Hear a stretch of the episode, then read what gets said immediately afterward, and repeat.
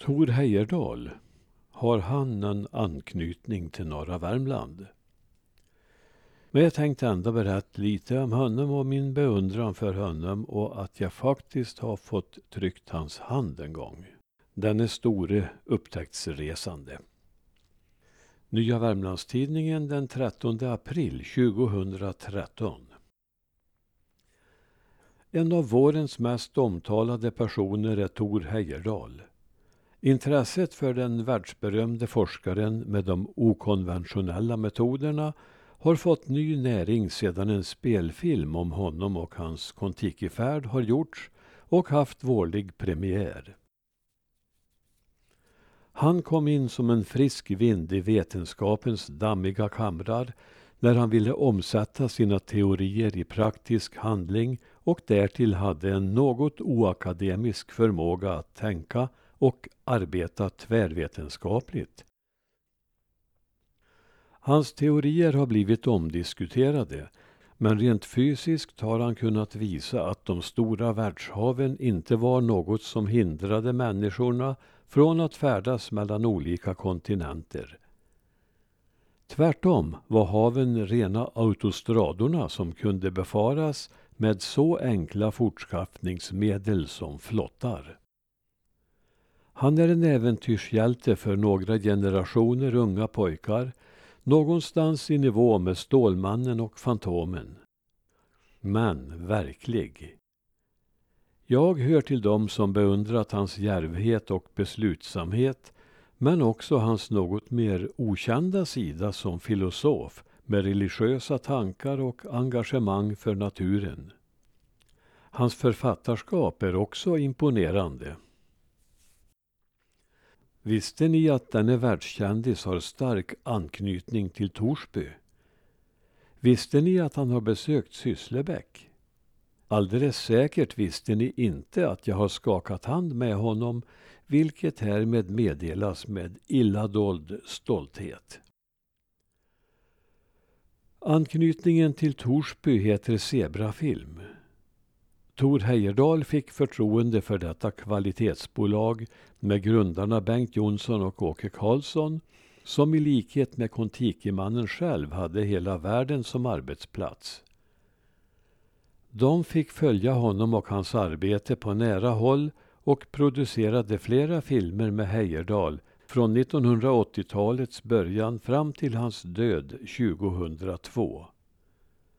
Filmaren Anders Berg fanns med i teamet och deltog själv i en uppmärksammad flottfärd 2006 där han med fyra norrmän och en peruan hyllade Kontikifärden genom att göra en egen liknande resa med flotten Tangaroa.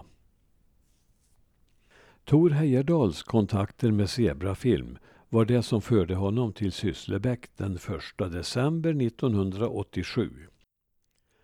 Jonny Sten arbetade då på Zebrafilm och det var till hans bror Rolands hotell Lyran i Sysslebäck som hela filmteamet kom på besök. Roland ringde och frågade om jag hade något lämpligt som present till den store upptäcktsresanden. Och eftersom min första bok just hade kommit ut så fick det bli den. En bok om norra Värmland. Heyerdahl anlände med stort sällskap till Lyran och där stod jag innanför dörren, beredd och något spänd. Jag tog honom i hand och överräckte boken. Till min häpnad presenterade han sig som Tor Heyerdahl.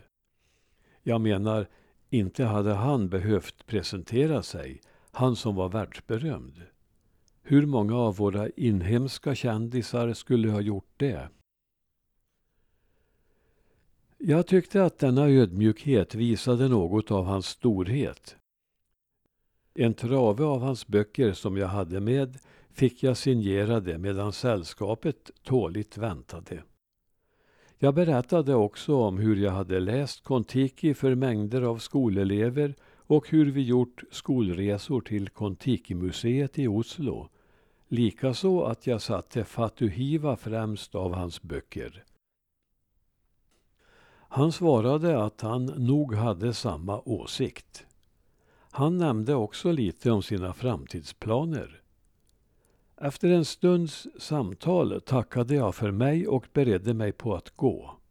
Han tackade vänligt för boken och erbjöd mig att följa med in på middag. Det ville jag naturligtvis, men tackade nej. Av någon sorts missriktad artighet. Det har jag ångrat mer än en gång. Stolt var jag ändå över att ha fått träffa en av barndomens hjältar på detta vis och glad var jag att han inte visade några som helst divalater. Allt sådant skulle ha stridit mot tankarna i hans böcker. Att det var fråga om en mycket sympatisk människa har jag dessutom fått bekräftat vid flera samtal med mina vänner på Zebrafilm. Ett par år efter Tor Heyerdahls död befann jag mig med familjen på en semesterresa till italienska rivieran. Då slog det mig att vi var ganska nära den medeltida by Heyerdahl hade köpt för pengarna som kom in efter hans succébok Kontiki. Utan allt för stort besvär lyckades jag och min fru ta oss till den lilla staden Laigueglia och därifrån var det promenadavstånd till Kolla Mikeri på kullen intill Medelhavet. Den förfallna byn rustades upp av Heyerdahl och han bosatte sig där 1958. Efter ett fortsatt strapatsrikt liv återvände han dit för att dö när den dagen närmade sig. Vid en liten piazza i den glesbefolkade byn slog vi oss ner vid ett litet café. En storvuxen bybo hälsade oss på italienska. Han kunde inte engelska men förstod namnet Heyerdahl. Han pekade ut ett gulmålat hus åt oss och där bakom porten låg den store upptäcktsresandens hem. I ett litet torn fanns författarlyan. Han tog med oss in i en gränd där en man stod på en balkong och jobbade med en murarslev. Heyerdahl, sa han och pekade på mannen. Det visade sig att detta var Tors son Björn som bodde kvar i byn och som på oklanderlig norska kunde informera oss.